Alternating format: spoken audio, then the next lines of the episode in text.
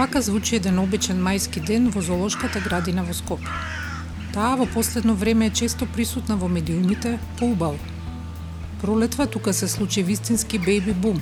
Се родија десетина младенчиња од различни видови, меѓу кои двогрба камила, валаби кенгурче, камерунски кози, најмалото мајмунче на светот од видот джуджест мармазет и најголемиот хит помеѓу бебињата, трите бели лавчиња. Таа и по изглед веќе не е збирот кафези во кој животните делуваат тажно или вознемирено, каква што ја памтат од моето детство.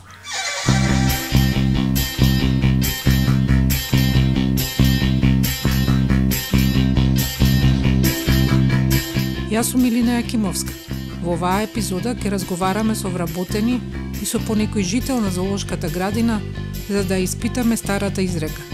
Ако е тешко да се работи со луѓе, Дали е тогаш полесно да се работи со животни? Средно имам завршено во Никола Карев, тоа беше средно насочено биотехнологија. Тогаш и мислам дека беше последна генерација биотехнолошка насока, бидејќи повеќе бев по природните науки. Завршив во Никола Карев и после каде да нели кога во прашање високото образование каде да продолжам, Прва година беше да се отвори факултетот за ветеринарна медицина таа година. Тука во рамки на тогаш беше во склоп на земјоделскиот, како еден дел беше ветеринарна медицина. Последната година веќе се одвои како самостоен факултет. И кога ја гледав програмата, нели, од сите факултети, каде, што, како, од Никола Карев, оп, ветеринарна медицина, а ветејќи предходно знаев дека нема кај нас ветеринарна медицина, како се отвори факултетот, тоа е тоа, значи тоа е знакот. Ова е весна која во Золошката е одговорна за две нешта – едукација на посетителите и здравјето на незините жители. Уште како мала не само што ги сакала животните, туку знаела и како да им ги санира повредите и практично да им помогне. Цело време и како дете надвор, нели, со уличните животни, чекај ова да му направиме, чекај тоа да му направиме. Некако, не знам, тоа така ми беше како дека дека го знам, нели, со со животните работиш и знам тоа да го правам. Ке донесе маче и јаве мачето, да, познаеш како да го фатиш, дека треба нозете, главата, ке те изгребе, ке те касне. и кога го видов дека се отвори факултетот за ветеринарна медицина, викам, ова изгледа тоа. Откако го завршила факултетот, Весна поминала една година пракса, а потоа уште три во ветеринарната амбуланта во автокоманда, работејќи главно со мали животни – мачки, кучиња, папагали и, како што вели, по некое прасе или коза. Па уште три во ветеринарната инспекција, каде не работела со животни, но со производи од животинско потекло. Сепак, ја влечело нешто друго. Секогаш ми било предизвик да бидам во зоолошка градина, да работам. Бидејќи овие животни што се тука не се учат на факултет. Немаме предмет тигар лав, мајмун, имаме предмет дивеч, имавме ние биологија и патологија на дивеч, меѓутоа во дивечот се рис, волк, ребица, фазан, мечка, претежно дивечот што е во Македонија. Екзотика не, немавме, немавме како предмет. Не знам сега на факултетот дали има како предмет екзотична медицина. Ние го немавме, мене ми беше предизвик и да учам во исто време и да работам. Како изгледа еден вообичаен ден за вработен во зоолошката градина? Да, има. Сега нормално кај секој е различен кај зоонегователите што се грижат за животните, нели доаѓаат на работа во 8:30. Прво е да, да ги видат животните дали се тука, како се, што се здраво, добро утро на сите, нели? Кафе. И после да, после почнуваат со, нели, како што е секојдневната работа, да им исчистаат остатоци од храна, предходно измета кој има вода да сменат да видат нели состојба на само живеалиште технички да го проверат дали е некаде нешто се има случајно, не се има случајно и после тековно си е одржување на самиот реон кај нив, кај зоонегователите. Кај нас, кај ветеринарите, секој ден е различен. Нема онака, може кога ќе дојдам на работа, уште на одење да ми се јават кон работа да ми кажат дека има нешто да ми пријават, дека има родено, дека има угинато, дека има избегано од негде скршена ограда или не знам што, нешто повредено, дека има нешто може такво да се случи. Може некој ден ни, да нема никаква интервенција, ништо, да, да, од ветеринарен аспект да не се случува. Претежно ветеринариот дел е повеќе во превентива, значи да спречиме да дојде до болести, бидејќи во зоолошката не се чуваат болни животни. И нема случаеви да се работи со болни животни од болест, нели, како што е кај домашните миленици. Нема влез од, од заради таа причина не е дозволен влез со домашни миленици, за да не дојде до трансфер на одредени причинители на болест и да не дојде до вознемирување на самите животни. И претежно превентивата се состои во нели давање на превентивно витаминско минерална минерални додатоци во исхраната, како и редовно прочистување од паразити, внатрешни, надворешни паразити, дали со бањење, дали со инекциона, со препарати и превентивно вакцинацијата кај одредени видови. Во текот на разговорот Весна своите пациенти ги нарекува по име. Младата бела лавица е Сонја. Кан е дојден од Загреб, а Гете од Келн и двајцата се морски лавови. Имале ги Бон Джордж, што го испрателе во зоолошката во Николаев, Украина, со чија негувателка се во постојан контакт. Имаат ли сите животни имиња? Па повеќето имаат имиња. Тие што се како по не знам како да ги кажам. Например, немаат имиња шатките, гуските, тие што се во, во јато, во поголема група, што е поголем поголем број на животни, немаат сите имиња дадени. А вие меѓу себе кога зборувате за нив по име ги кажувате? По име, да. Mm -hmm. Значи како абетенеска не е добро на мими пример. Да. Mm -hmm. На мими дадов терапија, пошто мими конкретно Саши Банзото е под терапија. Си ја има она старечка терапија. Притисок, срце, значи си прима терапија за тоа. Како воопшто пристигнуваат нови жители во зоолошката? Носењето на животни е најчесто со размена со некоја друга зоолошка градина, бидејќи не чуваме животни од природа, не земаме. Затоа што нели нема да да преживе животно земено од природа тука плюс и причините носител може би потенцијален на нека на некакви причинители на болест. Се чуваат животни од заробеништво, значи ги, ги земаме од други зоолошки градини И најчесто се тоа договори комерцијално, не се работи, не работиме со животни, значи нема продавање и купување. И се носат нормално доколку се работи за некој вид кој што е спаѓа во таа една програма за заштита на европски видови, има секоја програма координатор на тој вид, го се контактира координаторот кој што бара одредени референци да исполнува институцијата за да тоа одредено животно отиде таму. Дали се работи за живелиштето, слики од живелиште, нацрти праќаме архитектонски од самото живелиште, простор колку ќе има, со што ќе го храниме, кој ќе го чува, како ќе го чуваме. Значи не е тоа така едноставно. Да, не е. Не е едноставно, по, поготово ако се работи како за слоновите, например. Не е Туку така донеси го слонот и стави го. Врзи го на бандер. Да, сепак е животно кое што бара одреден третман и начинот на чување сега на животните во зоолошките е сосема поинаков од тој кој што бил на времето кога се чувале во мал заграден простор, се давало храна, се чистило и толку. Сега се оди кон сите животни се на природна подлога, значи нема веќе на бетон, поголеми се живелиштата и стандардите за чување на животни се по поголеми, нели за едно животно се знае колку е пропишено, зависи од кој вид. Висината на живелиштето, површината на живелиштето кога ќе биде да има отворен дел, да нема отворен, да има затворен, да нема затворен дел, базен дали да има, да нема. И дополнително кај одредени животни се работи на тренинг. Не тренинг во смисла на циркуска атракција, меѓутоа тренинг кој што ќе му помогне на ветеринарот и на самиот зоонегувател да ја види состојбата на животното подобро. Слоновите тој тренинг што го имаат, има тренинг на го даваат увото за бидејќи од уво се вади крв ако има потреба доаѓа до ограда, се мести така странично за доколку треба да се аплицира средство, инекционо се изведе тоа без да треба нешто да се врзува животното или да се анестезира, ги даваат нозете, слоновите за педикир да им се прави, бидејќи тоа е еден од проблемите кај, кај тие животни, прераснувањето на ноктите, и, и самиот табан долу, нели, како што одат жените на педикири, нашите слоници одат имаат Ти го правиш тоа? Не, тоа го прават зоонегователите. Значи, дресирани се слоновите, ја дава едната нога, другата, трета, четврта. И сега, нели, бара тоа повеќе време за работа, не може тоа да се заврши у еден ден, у два дена ги завршуваат еден слон, например.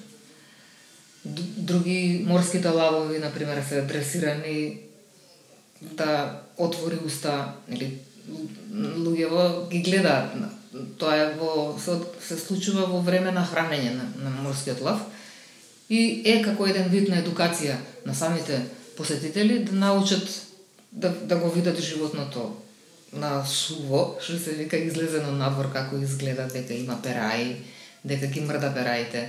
Отва, ја отвара устата не за да нешто покаже какви заби има, него за да види внатре зоонегувателот дали е се во ред во внатрешната шуплина бидејќи имав на случај кај морскиот лав кога внатре имаше федер на забот заглавен. И да не постоеше тој тренинг, немаше да го видиме тоа.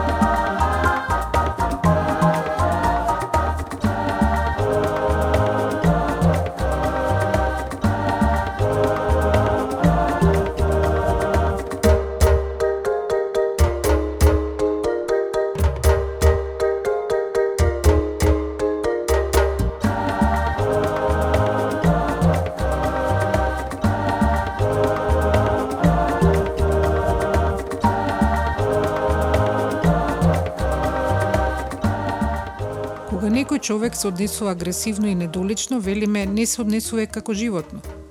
Но ваквиот опис е навредлив за животните, кои ни криви ни должни често се жртви на човечки примероци, кои во зоолошката ги предизвикуваат најголемите проблеми. Да, има најчесто се од предизвикани од нели од несовесни посетители, дали заради незнаење нивно или заради не знам очекуваат животното нешто да направи некаква атракција, не знам што очекуваат од животните. Имало случаеви кога сум била очевидец, на нојот му го дава цела кутија цигари, тврдо пакување, значи Малборо ли беше, не знам што беа цигари, и нојот цела кутија ја голта и ја, ја гледам како оди надолу по вратот И сега викам, што да ти направам?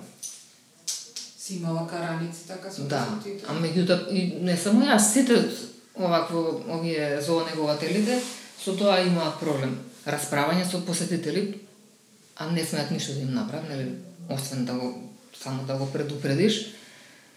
Посетителите различно реагираат, има некои кои што ќе се извинат, не знаев, нели. Некој се расправа, глеси твоја работа. Знам дека од тука украдоа го украдоа Лука, мислам, павијанот, мајмунчето, го украдоа и тоа во Белден. Ја исекоа мрежата и го зема, бидејќи мајмунот беше малечко мајмунче беше и беше научено со, со луѓе. И меѓутоа веднаш ги фатија на камери, пошто ги видовме како се случува, како излегуваат. Се работеше, беше некој, не знам, им требало за за продажба, за нешто да земат. За атракција.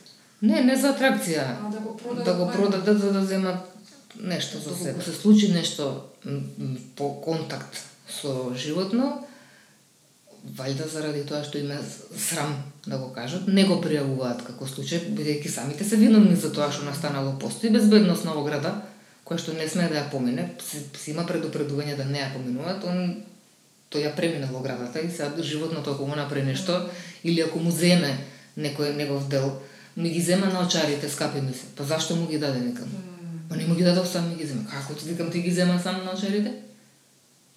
Значи, зашто си му ги дал? Или ти му зема кондори, не знам, ракавици. Кондори? Па кучи, во столки, не знам нешто. Викам, значи ногата си му ја ставал до, до него, кај мајмуните конкретно. Си ја ставил ногата. Значи, однос на белјачи, да речем под наводници, ама провоцирани, мајмуните сепак водат. Пошто други да. кои со раце тешко кој друг Други, да, нема други, освен на времето имаше во стариот згромник кога беше. Сака да се сликаат со лавовите, нели блиску да му биде лавот, да му направи нешто лавот, не знам што очекува да направи лавот, да рика, да рика, затоа е цртаниот Мадагаскар направен. Mm. Нели лавот Алекс таму у 12 сат атракција им прави. И они изгледа тоа очекуваат, да види ништо не прат лавовите, па со стапови ги ќе се прекачат да ги буцкаат за да рикаат лавовите. Пантерот нешто да им направи, да знам дека пантерот успеа да ги пикне шепите тогаш преку мрежа. И му направи нешто на зов него, на овој на посетителот, меѓутоа тој само си си замина. Со животот помеѓу негователите и животните значи и тоа дека тие може да си принесат и некои заразни болести. За Весна најважно е болестите не да се лечат, туку да се превенираат. Но уште на почетокот на својата работа како ветеринар, морала да се соочи со ситуации во кои за животното нема помош. Да, јас имав уште додека бев во автокоманда во амбулантата, нели локално од мало што се другарите ми се јави другар, а бе кучето нешто изгледа ми умира да доеш да го видиш.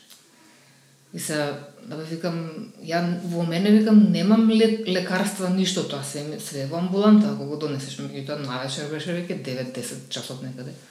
Викам ништо не можам да му направам, ама не дојди само да го видиш бидејќи на и тоа е нели те собствениците, барем да го видиш, да ми кажеш е.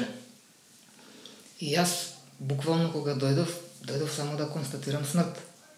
Кучето беше умрено. Значи и, и кога се вратив дома, и баш знам на мајка ми кажав, викам, бе, како бе, не може, викам, ништо да направам, викам, умрено беше. И, и, и сега она ме теши со тоа дека и во хуманата медицина докторите одат само да констатираат смрт. Имало случаеви, нели, ке се јават на телефон, брза помош. Нема вика што да направиш, вика во тој случај. И тоа ми беше така прво кога не сум можела да направам ништо, дека сепак и тоа е дел, нели, кај што има живот, има и умирање, дека и тоа е еден дел од работата, дека мора да му се обоштиш, дека веќе нема И таа и сите вработени во зоолошката се приврзуваат кон животните за кои што се грижат. Најтешко е кога некој од нив ќе угине, но не е лесно и кога се разделуваат ако животното треба да патува за друга зоолошка. Се соживуваат и многу што има дојдено нели времено менаџер да биде, не е работел никогаш на пример со животни, самите кажуваат ти влегува под кожа, вика золошката. Бидејќи нели, тука е со животните, го гледа животното. И се, се соживуваат и сите зоонегователи. Кога треба посебно да патува животно, како сега кога отиде гибонката за за Украина, така со испраќање со ајде чао, ќе ти биде убаво, ајде. Или па кога ќе нели кога ќе угине животното, секогаш е така како еден дел сега го немаме веќе тој ако е посебно, ако е некој миленик на некој, пошто секој си има од групата на животни, овој му е негов, нели? Од лавовите, на пример оваа ми е поише така, не знам, со мене, ќе каже. Најновиот случај ја потврдува таа приврзаност. Седуммесечно бебе гибонче било фрлено во едно од езерцата во зоолошката од страна на мајка му, што за него значило сигурна смрт. Неговата негователка Зера не размислувала многу и се фрлила по него. Иако немало голем изглед дека ќе преживее, Весна упорно го реанимирала. Сега тоа има и свое ново пливачко име. Тоа како што ми кажа зоонегователот, зоонегователката, мајката го вика јас видов дека нешто фрла. И вика не очекував дека ќе биде малото гибонче. И она кога го видела во вода, влегла да го извади од вода. Бидејќи кај нив толку се, секунди се упрашања кај нив, не знае да плива и се дави. Готово. И ја кога дојдов, они веќе директорот го реанимираше, бидејќи директорот е од вработен, дел од вработените, не е од надврдете, па директорот го реанимираше. Значи од нашите вработени е директорот го реанимираше малото, меѓутоа веќе беше без знаци дека ќе нешто ќе се случи. Го, нели, тука кога веќе мислевме дека готово го изгубивме и толку, го земав гибончето и продолжив да го масирам. Продолжив и сега, нели, не знаеш, мојот прст, пулсот си го осеќам или на мајмунот во ситуацијата и продолжив надворешна масажа на срце, на топло го ставив, вештачко дишење, масажа на срце, вештачко дишење, пошто кај него не е уста на уста, него е устата моја на целата негова глава. Зашто мало, да. И и почна, ајде си, ајде, так, так, срцева имаше акција по некој удар се, се осеќаше, викам, добро, ајде, продолжи. Не, значи не се откажав, продолжи, продолжи, продолжи, продолжи. Тука се концентрирав на тоа, значи се изолирав буквално во еден ќош. Отидов, се, се сокрив да не ме гледат, значи, бидејќи, нели, има колеги ки да, еј, шо преш, еј, шо е тоа, еј, шо му е, еј, ова е сега, готово. И се концентрирав само на тоа и масажа го почна едно време, изфрли еден дел вода од, од белите дробови, ајде пак продолжив, продолжив и почна устата, так, ја отвори, а беше целото млитавно, значи глава, раце, се, нозе, омлитавено, пуштено. И почна устата, так, ја мрдна устата. Оп, добре, звук пушти, ке те биде. Викам, ова е знак дека Ако немате са весна, треба се. Не, делфина се вика. Кога станува збор за зоолошките, многумина смета дека тие, особено денес во време на развиена виртуелна технологија, се непотребни институции, каде животните се малтретираат во заточеништво. Што мисли Весна за ова? Па, зоолошката како концепт, воопшто зоолошките како концепт, нели се различно прифатени кај, кај луѓето. Меѓутоа, работата е што се тоа се работи за животни што се родени во заробеништво и што не знаат друг начин на живот освен тој во заробеништво. Зоолошките еден дел од нивната работа не е само да ги чуваат животните, него и во едукативни цели кажуваат ги за тој вид на животно, за зачувување на тој вид во природата, доколку станува збор за загрозен, и конзервира, конзервација на животните, бидејќи има да вклучени се зоолошките во проекти кај што одреден животински вид се враќа, се, се чува во заробеништво, меѓутоа во полу див начин на на живење за да после тоа се врати повторно се реинтродуцира во природата доколку во природата веќе изумира тој вид.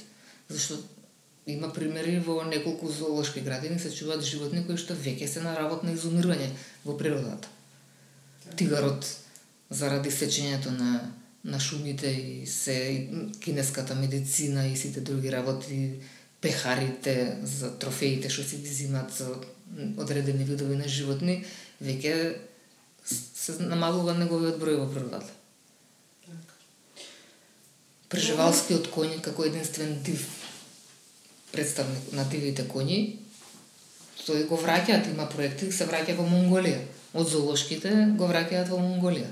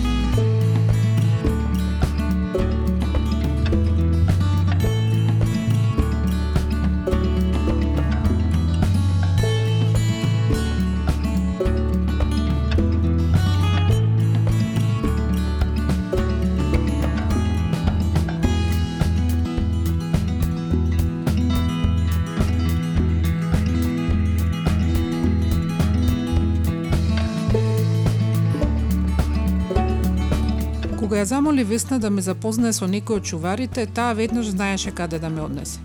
Кај слонарите или слонаджиите кои во моментов се грижат за две слоници.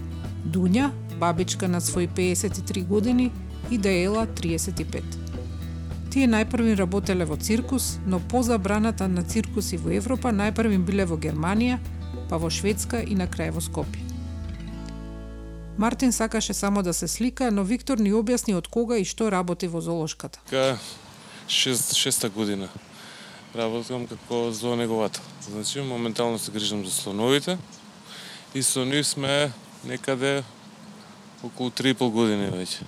А пред тоа со кој беше? Предходно со примати и жирафи.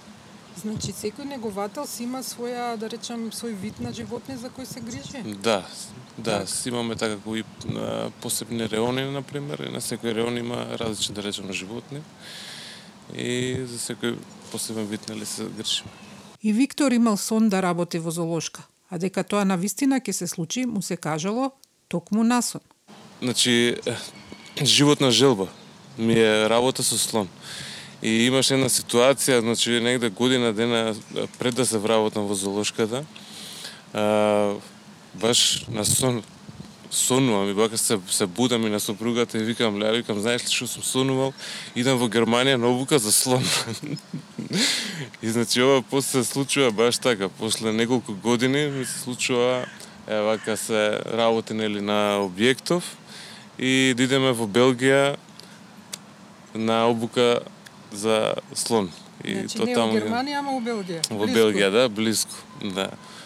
Доаѓаме во 8 часот на работа, пред се ета визуелно се гледа дали има некакви проблеми со објектот, со слониците, значи дали се во добра здравствена состојба, значи едно нагледување така да го кажам.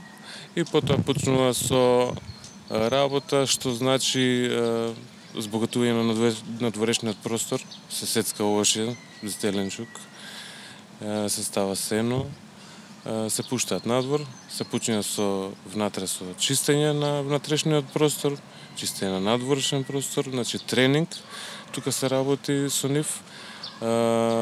Пред да се почне со ова чистење се, значи тренинг правиме.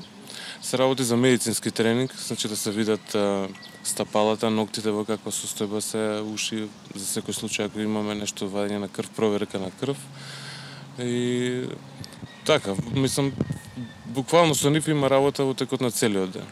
Вие сте другари сега после толку години? Кои ќе те видат, како реагираат? Си па се, се, се препознавам. Имало ситуации, например, каде што имаме а, така а, голема посета, и баш во надворешниве живеалишта кога се и знаат онака да препознаат, а за глас да не зборам. Значи можеш баш онака тивко да кажеш име и доаѓа веќе. Како Другари... комуницираат со тебе, со сурла, со извици, со А, јас тоа го зборам, работа со животно е работа со енергија, знаете. Mm. Така да, мислам, нормално си го препознаваат името и команди што треба да им се дадат. Меѓутоа, баш така, го осеќате секоја нервоза или смиреност, се осеќа.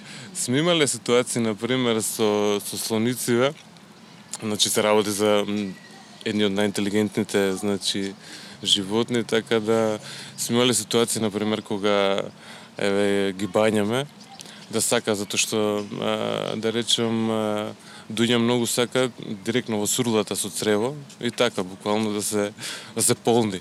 И знае на пример кој ќе наполни судија и да ме истушира на некој да, начин да е цело. си игра, она. Да, игра, игра, игра, да. Зоолошката градина во Скопје на, наскоро ќе полни 100 години.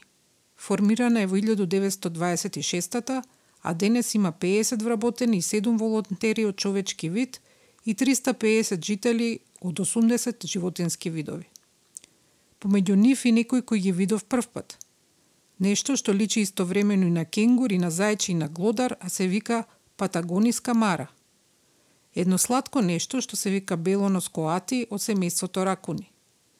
Од зоолошка да излегов со добро чувство и за животните и за луѓето.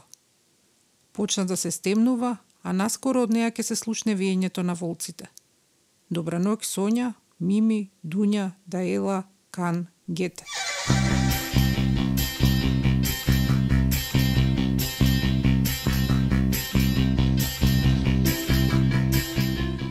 Јас сум Илина Јакимовска, аудиомонтажа Бојан Угриновски.